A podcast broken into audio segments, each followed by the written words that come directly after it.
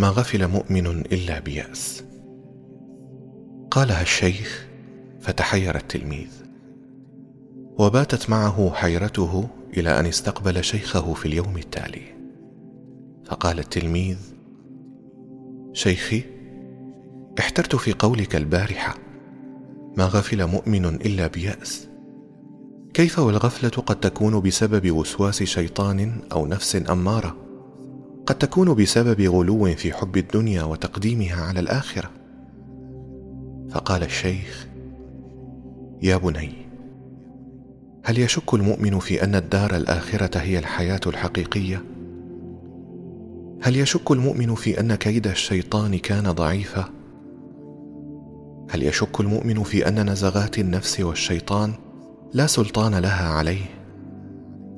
فقال التلميذ لا يشك في ذلك.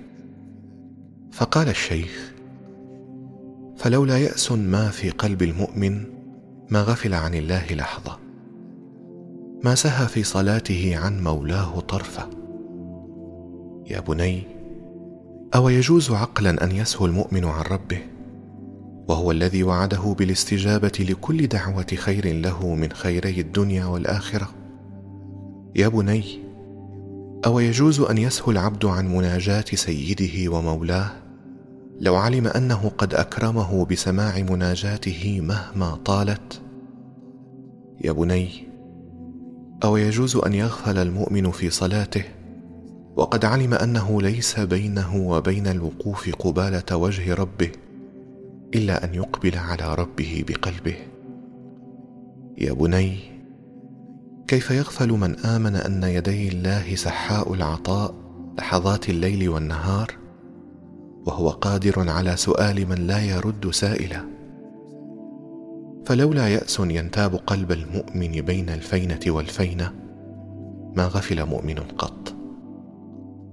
يا بني ما عصي الله تعالى بمعصية شر من اليأس من روح الله لكن اليأس درجات.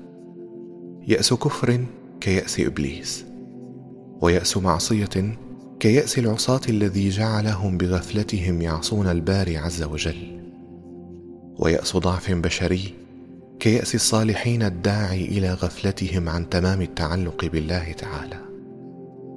فلولا اليأس ما غفل مؤمن قط.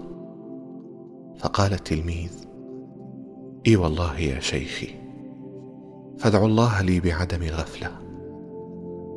فقال الشيخ هذه غفلة فربك منك قريب.